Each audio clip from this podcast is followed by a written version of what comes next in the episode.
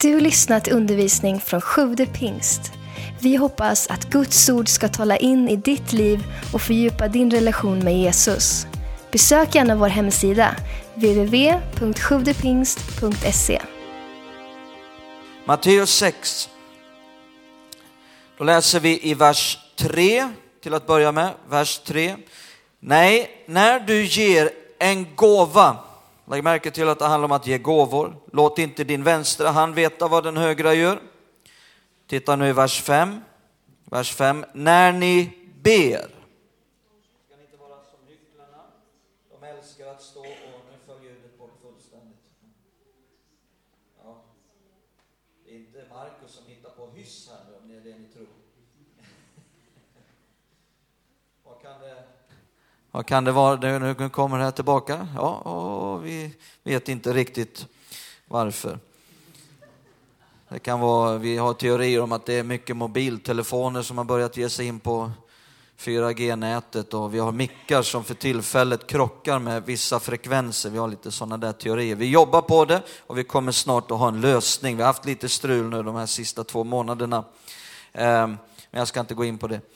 Utan eh, när ni ber ska ni inte vara som hycklarna. De älskar att stå och be i synagogorna i gathörnen för att synas av människor. Amen säger, de har fått ut sin lön. Ser ni här nu att Jesus talar om när du ger en gåva, när du ber.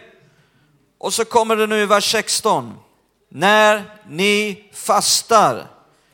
Se inte så dystra ut som hycklarna, de vanställer sina ansikten för att visa människor att de fastar. Amen säger, de har fått ut sin lön. Nej, när du fastar, smörj ditt huvud och tvätta ditt ansikte så att människor inte ser att du fastar, utan endast din fader som är i det fördolda. Då ska din fader som ser i det fördolda belöna dig. Så lägg märke till här nu att Jesus säger när ni fastar, inte om ni fastar. När ni fastar. Med andra ord så finns det en självklar förväntan att detta ska vara en regelbunden del utav våra liv. På samma sätt som vi förväntas att ge gåvor, vi förväntas att be, på samma sätt så finns det en förväntan att vi ska fasta. Eh, Genom hela Nya Testamentet så ser man just denna förväntan. Jesus själv fastade regelbundet. De första kristna fastade regelbundet. Och därför behöver vi fråga oss själva, fastar vi? Eh, vi kan fråga oss, vill vi ha det som de första kristna hade? Vill vi få uppleva det som man upplevde i apostlagärningarna som vi läser om? Ja, ja, då tror jag att vi också måste göra det som de gjorde. Eh, också i gamla testamentet i Bibeln så ser vi att eh, man fastade eh, och, och att det faktiskt i gamla testamentet under gamla förbundet så fanns det till och med en lag som sa, det var lag att alla skulle fasta en gång om året.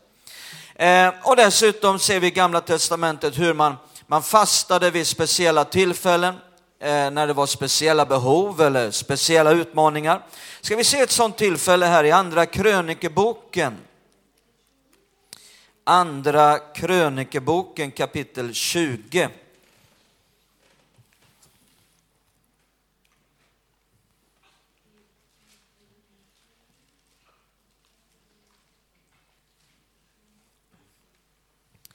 Andra krönikeboken 20 så har vi eh, kung, kung Hiskia. Eh, nej, förlåt mig, Josafat menar jag. Eh, Josafat och fienden kommer emot kung eh, Josafat och eh, judafolk. Och det är en svår situation, vi kan läsa om det här ifrån eh, vers 1. Andra krönikboken 20, vers 1. Sedan kom Moabs barn och Amos barn tillsammans med dem andra ammoniter för att strida mot Josafat. Man kom och berättade detta för Josafat och sa, en stor skara kommer emot dig från landet på andra sidan havet, från Aram och de är i Hassasson Tamar, det vill säga Engedi. Då greps Josafat av fruktan och beslöt sig för att rådfråga Herren och han utlyste en fasta över hela Juda. Och Judas samlades för att söka hjälp hos Herren och från alla Judas städer kom han för att söka Herren. Så här ser vi ett speciellt tillfälle då man fastade just vid ett speciellt behov och en speciell utmaning. Vi ser likadant i Esra, i boken Esra. Vet du var den ligger i Bibeln? Är det inte den du läser varje söndag? Esra kommer innan Nehemja. Esra kapitel 8 står det så här i vers 21. Vers 21. Vid floden Ahava lät jag utlysa en fasta för att vi skulle ödmjuka oss inför vår Gud och be honom om en lyckosam resa för oss, våra kvinnor och barn och alla våra ägodelar. Här ser vi Esra och eh, en stor del av eh, eh judafolk som återvände från den babyloniska fångenskapen tillbaka till Jerusalem. Och det är ett väldigt speciellt tillfälle här. Och då utlyser Esra en fasta för att be till Gud att färden, resan skulle bli lyckosam eh, och så vidare. Och så står det sen då i vers 22, till jag skämdes för att be kungen då i, i Babylon, i, nej, då, om soldater och ryttare till vårt beskydd mot fiender på vägen. Vi hade ju sagt till kungen, vår Guds hand är över alla dem som söker honom så att det går dem väl. Men hans makt och hans vrede är emot alla som överger honom. Därför fastade vi och sökte hjälp av vår Gud och han bönhörde oss. Vad står det att Gud gjorde? Han bönhörde oss. Så här ser vi ytterligare tillfällen när fasta kommer i Bibeln. Vid ett mycket speciellt behov, vid en speciell utmaning, vid ett speciellt tillfälle. Och det här ser vi då genom hela Bibeln. I Nya Förbundet och i Nya Testamentet efter Jesu död och uppståndelse eh, så är inte fasta en lag som i Gamla Testamentet, Gamla Förbundet, utan det handlar alltid om en frivillig fasta. Och det är viktigt att det får just vara det, ett eget gensvar på Jesu kärlek. Eh, vad som mer finns då i Nya Testamentet är just den här förväntan, inte en lag. I Nya Testamentet kan vi läsa att det finns väldigt kraftfulla uppmaningar till bön. Men det finns inte lika kraftfulla uppmaningar till fasta. Men det finns en förväntan som vi ser genom Nya Testamentet. Eh, så att det är viktigt att vi inte kablar ut ett tvingande budskap Ibland kan man höra tendenser på en del håll till, till liknande, liksom man säger alla kristna borde fasta 40 dagar minst en gång i livet.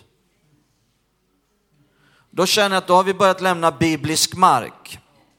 Ja men Mose han och Elia och Jesus de fastade 40 dagar. Ja det, det är mycket riktigt. Det finns tre i Bibeln som fastade 40 dagar. Men vid en närmare studie så ser man att Mose, han var uppe på Sinai berg i Herrens fullt ut manifesterade härlighet och närvaro. Och han drack inte ens vatten under 40 dagar. Pröva det ska du få se. Elia, nummer två, han åt änglamat. Det räckte i 40 dagar. Så att om du har ätit änglamat så visst, 40 dagar. Jesus, han fastade 40 dagar när han frestades av djävulen. Och genom att klara av det här och vinna seger i de här frestelserna så kvalificerade han att bli världens frälsare. Och det behöver ju knappast du kvalificera som. Så det här de här tre exemplen är inte riktigt exempel för våra vardagsliv. Även om vi kan lära saker i de, de berättelserna så är det inte exempel för våra vardagsliv. Våra främsta exempel i Bibeln är apostlagärningarna, de första kristna, Jesus, eh, i hans liv, i hans vardagsliv och sen framförallt de första kristna under den första tiden. Det är, vår, det är våra huvudexempel i Bibeln att lära från. Sen kan vi lära mycket från de andra ställen också. Så min första punkt är helt enkelt att eh, vi förväntas att fasta. Men nu kommer nästa punkt. Varför ska man fasta? Uh, vi har rätt ut eh, det här för två veckor sedan, varför be? Nu talar vi om varför fasta. Och då tror jag att det kan vara bra att vi först reder ut vad syftet inte är. Vad syftet definitivt inte är. Och lyssna noga nu, det är inte fastan som är målet. Mm. Om jag bara kan klara av den här fastan. Nej, det är inte själva fastan som är huvudsyftet och det stora målet. Om, om ditt stora fokus blir själva fastan, om ditt huvudfokus blir att klara av fastan, om ditt stora fokus blir att inte äta, gissa vad du kommer att gå runt och tänka på hela tiden? Att du är så hungrig. Jag kommer ihåg tidigt i mitt kristna liv, jag var 19 år och så hade jag fått höra talas om fasta, det hade jag ingen grepp på innan. Men nu hade någon börjat prata om fasta och jag kände, ja visst, jag älskar Jesus, jag är villig att göra allt för Jesus. Liksom, så nu ska jag vara med och fasta. Och det här var mitt första försök att fasta. Jag hade väl varit frälst ett halvår. Så jag bestämde, idag ska jag inte äta någonting, jag ska bara gå på vatten. Framåt klockan fem på eftermiddagen, mycket riktigt, jag började få se syner. Jag såg hamburgare sväva i luften. Plötsligt så skrev Gud med eldskrift på väggen tyckte jag, McDonalds stod det. Och mycket riktigt, jag kände en intensiv kallelse på mitt liv också. Kallelsen till McDonalds var väldigt stark i mitt liv och klockan sju på kvällen då infann jag mig på McDonalds och smällde i mig två stora Big Mac.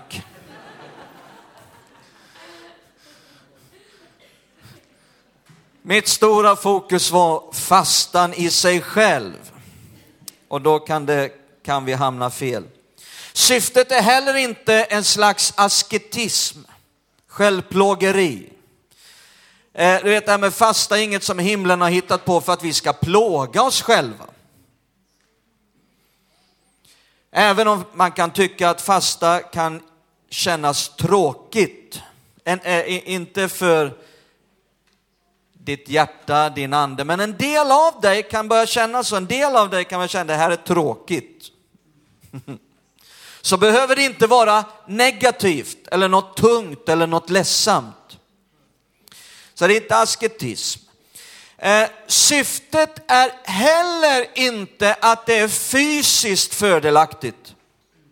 Det kallas bantning. Så det är inte nu 21 dagars bantning vi kallar till. Det får du sköta själv. Det kan vara bra.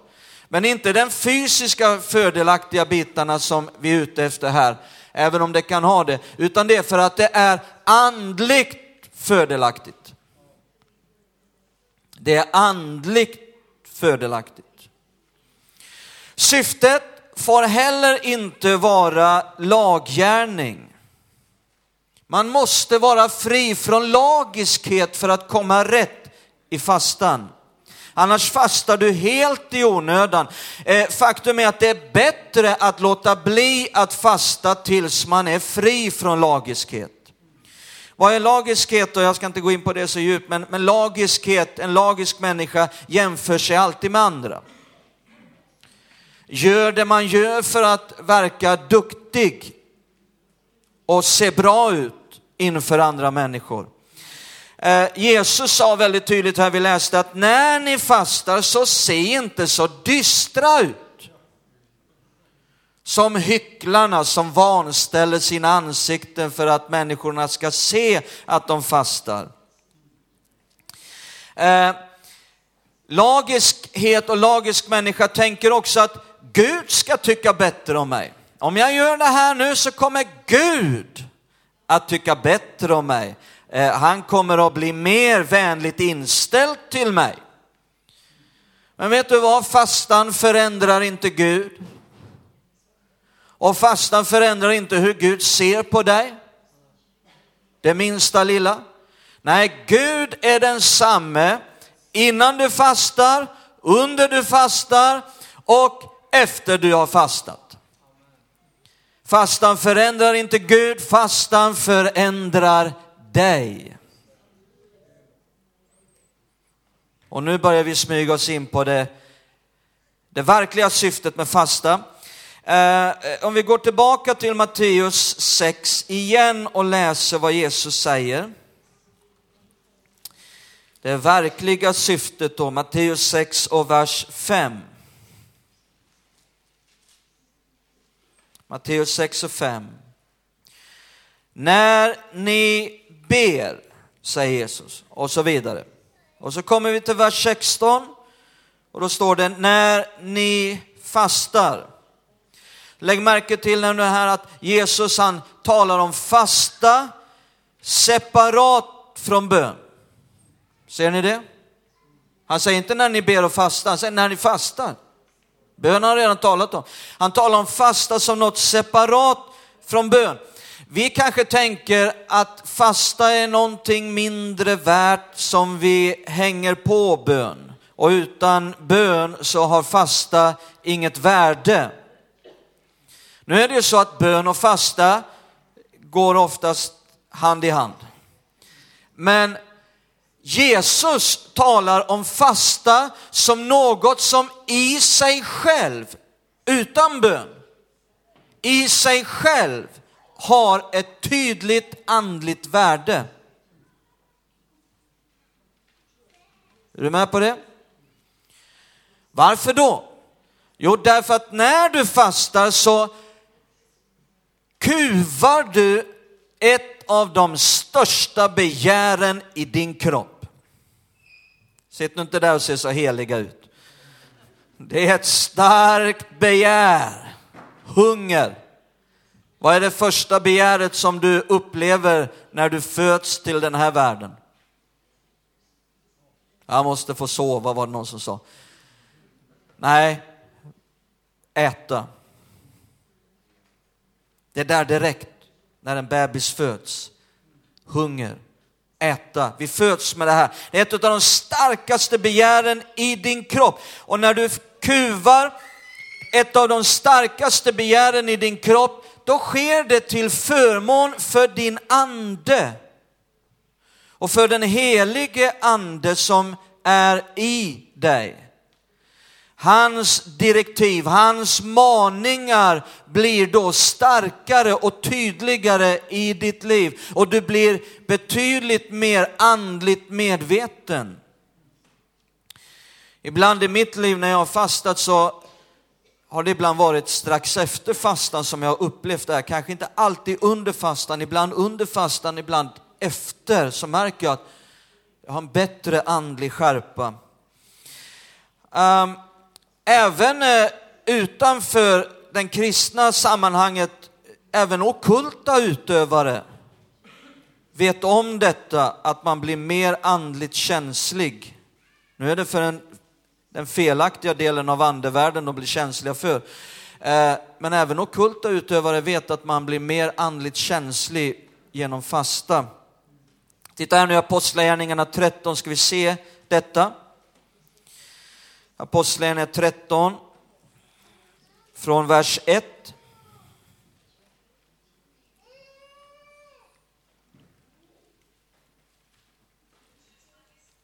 I församlingen i Antiochia fanns profeter och lärare. Barnabas, Simon som kallades Niger, Lucius från Sirene, Manaen, fosterbror till landsfursten Herodes, samt Saulus. När de tjänade Herren och fastade sa den helige ande, avskilj åt mig Barnabas och Saulus för den uppgift som jag kallat dem till. Då fastade de och bad och la händerna på dem och sände ut dem. Eh, så här ser vi en, eh, en slags kollektiv fasta i den här församlingen. Och när de fastade så ökade deras känslighet för den helige ande och de kunde börja höra vad Gud sa. Det är positivt när man börjar höra vad Gud säger. En annan fördel, eh, inte bara detta med den andliga känsligheten och den heliga andes maningar och direktiv blir starkare, kommer också en annan fördel med fastan och det är att du får lättare att stå emot frestelser på andra områden i ditt liv. Därför att när vi lär oss att kontrollera och kuva ett av de mest starka begären i kroppen, då blir det också enklare att kontrollera och kuva också andra slags begär.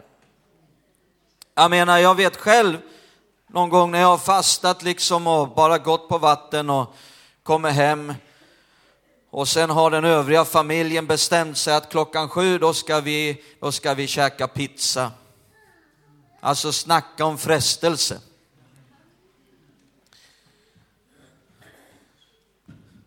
Ja, nu är en del som ser konstigt på mig igen här, men eh, du kanske aldrig har varit där, att du har känt den där frestelsen när du, när du fastar, va? men vi andra dödliga.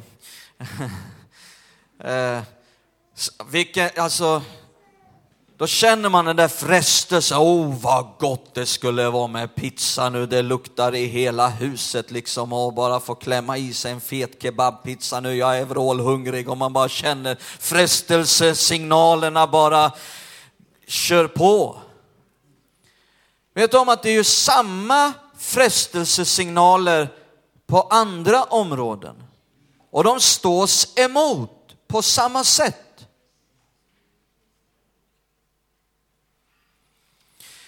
Så därför så hjälper det oss också på andra områden.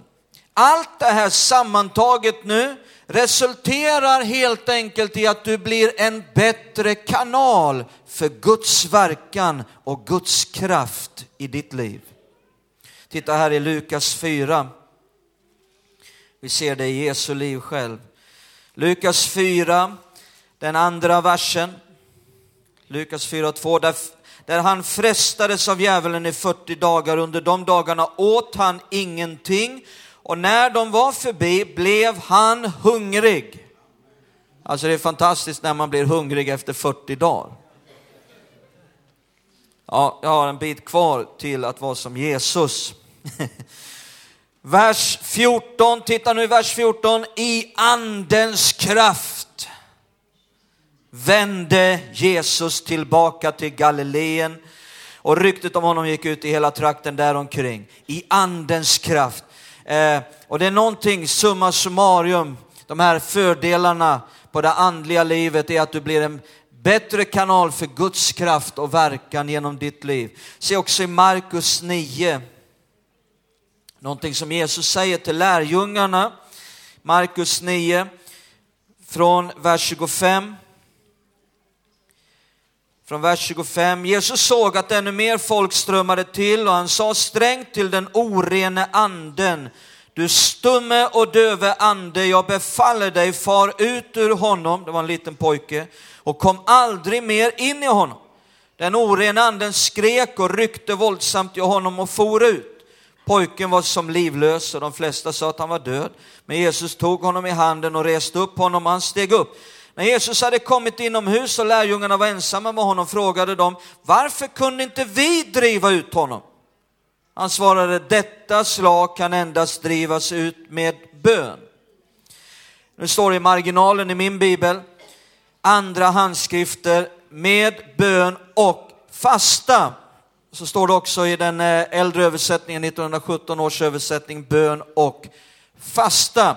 Jesus säger, detta slag kan bara drivas ut med bön och fasta. Men lägg märke till att Jesus fastade ju inte. Han sa inte, ja, jag får komma tillbaka efter jag har fastat. Så vad betyder det här? Ja, vi ser här att lärjungarna, de var förvånade att de inte kunde driva ut den onda anden här. Eh, och läser man tidigare i Markus evangelium i kapitel 3 så står det att Jesus gav lärjungarna makt att driva ut onda andar, men nu funkar det inte och de var förvånade eh, och undrar varför Jesus? Och då säger Jesus att det här slaget kan bara drivas ut med fasta och bön. Men det måste ju då betyda att Jesus levde regelbundet i fasta.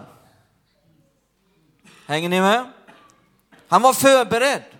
Han kom förberedd till den platsen, lärjungarna var inte lika förberedda. Och det betyder också att, att om vi lever inte bara i någonting som sker en gång i livet, eh, vi märker det med de första kristna i apostlagärningarna, att, att snarare att de någon gång i livet hade en jättelång fasteperiod, så levde man i regelbunden fasta. Eh, studerar man historien så verkar det tyda på att de, de flesta kristna i den första tiden fastade två dagar i veckan. Regelbundet snarare än långa fasteperioder. Så man levde förberedd. Och vi kan också, du kan börja leva förberedd så att när behovet dyker upp, det svåra behovet dyker upp så kommer du förberedd och Guds kraft kan flöda genom dig. Till sist, hur ska man fasta? Det är frågan. Eh, som jag brukar säga, when I fast I only eat fast food. Så kan man ju fasta. Eh, eller när jag fastar, då äter jag bara fast föda. Det kan ju också vara en variant. Eh, men hur ska vi fasta? Ja, att fasta betyder helt enkelt att inte äta. Fasta handlar om att avstå mat. Ah, fasta är helt enkelt avhållsamhet vad gäller mat. Det kan finnas avhållsamhet på många områden, men fasta per definition är avhållsamhet från mat. Eh, ibland så talar man om eh, tv-fasta, Facebook-fasta, skärmfasta. Personligen anser jag att man rör ihop begreppen lite grann och jag tycker att i biblisk mening, i biblisk mening så är inte det fasta. I biblisk mening är alltid fasta att man avhåller sig från mat. Och personligen tycker jag att det är bra om man inte rör ihop begreppen för mycket. Eh, därför att avhållsamhet kan man, vara på, man kan ha det på många områden. Man håller sig helt enkelt borta ifrån någonting för att få mer tid till bön. Så om man nu håller sig borta från alla skärmar så är det för att få mer tid till bön. Men det kuvar ju inte ett av de absolut starkaste begären i kroppen.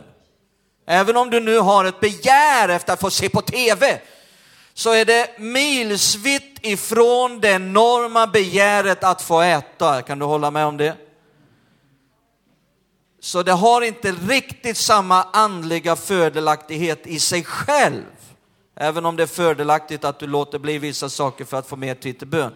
Men fasta avhållsamhet från mat är någonting annat.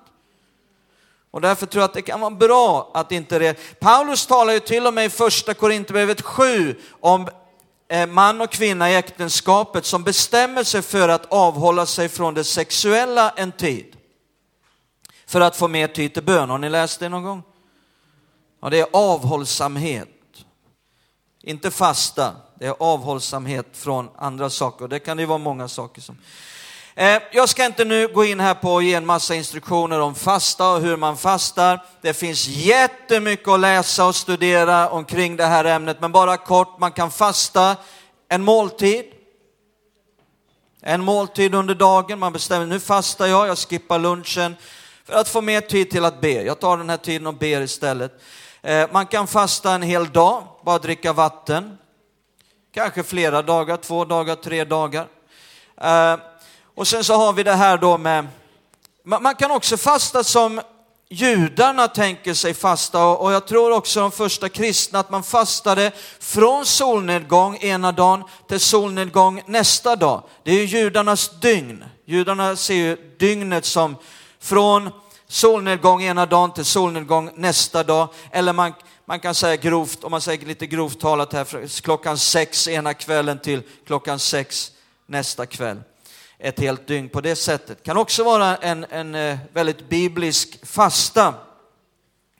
Men så talar vi nu om det här med Daniels fasta. Daniel var en i Bibeln som Bibeln berättar om i Danielsboken då, eh, som eh, det så att han gick sörjande under 21 dagar eh, och han åt ingen god mat. Han levde väl på knäckebröd eller någonting. Han åt ingen god mat och inte heller kött och vin under dessa 21 dagar. Och det här kan ju vara en väldig utmaning för vissa. För, för vegetarianer så är det väl knappast någon utmaning. För att man kan äta god mat som är vegetarisk, eller hur? Nu ska jag köra Daniels fast, jag ska leva på vegetarisk pizza hela, hela den här tiden. Så det finns någonting i det här att själv komma fram till vad är god mat. Även frukt. Jag, jag ska köra någon egen variant här med, med, bara frukt och grönsaker, men jag känner att om det verkligen ska ta i mitt liv, då, då är det, kommer jag lägga in en och annan dag med bara vatten också. Så att det blir riktigt ordentligt. Sen kan det vara en utmaning för vissa att bara köra frukt och grönsaker. Eh, det är det väl i och för sig, för jag älskar kött. Ehm, men frukt kan ju vara oerhört gott, eller hur? Sött och gott. Bär liksom kan vara väldigt gott. Och, ja, så en del av dem säger, ja nu ska jag köra Daniels fasta, de smälter glass i mikron och häller på en massa blåbär och liksom, åh nu fastar vi. Ja, tjena. Så det här, liksom, vad, vad är god mat? Ja, det får man liksom själv komma fram till. Om man nu vill göra det här, man behöver inte. Vi bjuder in till detta, det är helt frivilligt. Eh, sen kan det också vara så att man är havande. Man kanske har fysiska åkommor som gör att man inte kan avstå från mat. Kan alla vara med? Alla kan vara med. Kanske man kan avstå från någonting annat och ta extra tid i bön. Eh, det där får man själv komma fram till, liksom vad som är, så att vi inte är hälsovådliga. Eh, men alla kan vara med på något sätt. Tack för att du lyssnat. Glöm inte att du alltid är välkommen till vår kyrka. Du hittar mer info på www.sjuvdepingst.se